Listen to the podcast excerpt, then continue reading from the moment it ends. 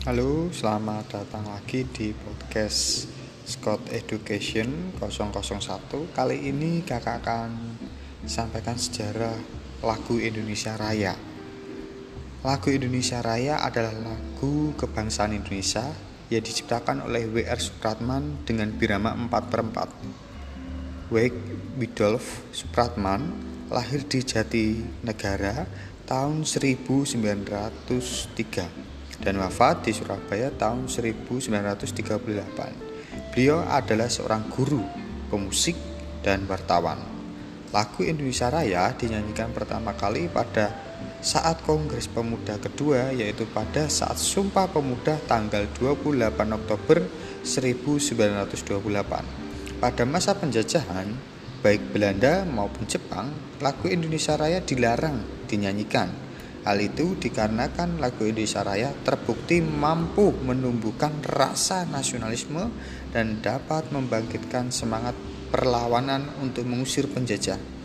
Pada masa akhir kekalahan Jepang, lagu Indonesia Raya diperbolehkan dinyanyikan. Hal itu dimaksudkan untuk mengambil hati rakyat Indonesia agar mau membantu Jepang dalam melawan Belanda dan sekutunya. Pada zaman penjajahan, seseorang dapat menyanyikan lagu Indonesia Raya adalah sebuah kemenangan dan kebanggaan. Karena saat itu butuh sebuah keberanian untuk dapat mengumandangkannya.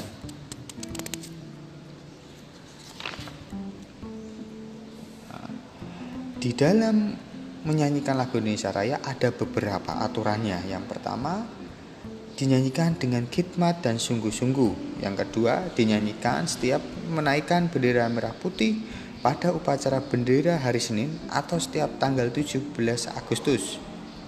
Tiga, dinyanyikan pada pembukaan acara-acara kenegaraan, pembukaan sidang MPR, pelantikan presiden, pidato presiden, menteri dan lain-lain.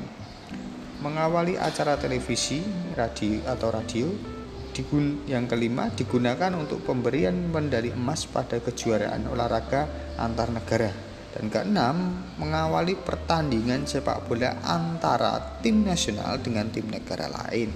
Oke, demikianlah sejarah tentang lagu Indonesia Raya. Semoga adik-adik semua, anak-anak semua yang mendengar podcast ini bisa paham apa atau sejarah apa yang terdapat di dalam lagu Indonesia Raya.